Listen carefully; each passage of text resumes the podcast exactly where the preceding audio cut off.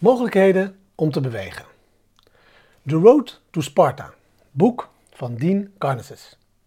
Laten we het hebben over het thema bewegen is goed voor jou. En laten we het hebben over hoe Michel Seeger hiernaar kijkt. Misschien weet je het al, maar Michel is een van de werelds meest vooraanstaande onderzoekers op het gebied van het daadwerkelijk doen van de dingen waarvan je weet dat ze goed voor je zijn.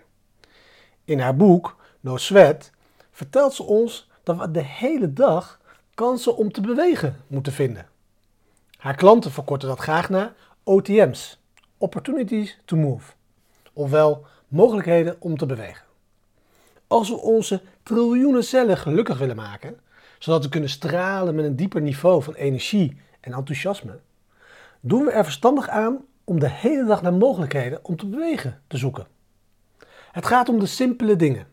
Zo zijn alledaags, ze zijn zo alledaags dat ze niet sexy zijn. En zelfs zo onbelangrijk lijken dat we ze gemakkelijk over het hoofd kunnen zien. Dingen zoals zo ver mogelijk van de winkel, of sportschool wat dan ook, parkeren. Zodat je nog een paar stappen naar je bestemming moet lopen. Of nog beter, je auto thuis laten en gewoon naar de winkel lopen. De trap nemen in plaats van de lift kiezen.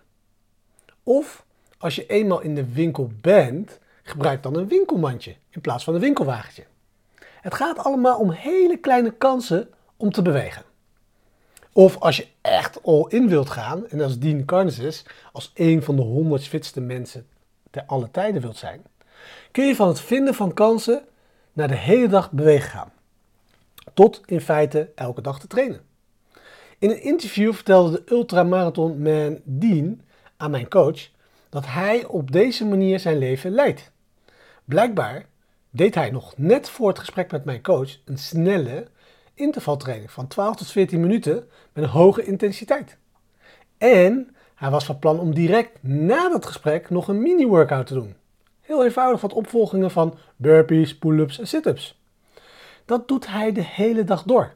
Elke dag opnieuw. Die focus op het bewegen van zijn lichaam heeft hem in staat gesteld om het schijnbaar onmogelijke te doen. Zoals de 350 mijl achter elkaar te rennen.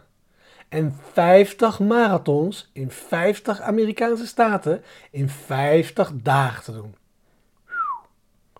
Dus de microles van vandaag is: ga elk moment en elke dag op zoek naar kansen om te bewegen of kansen om te trainen.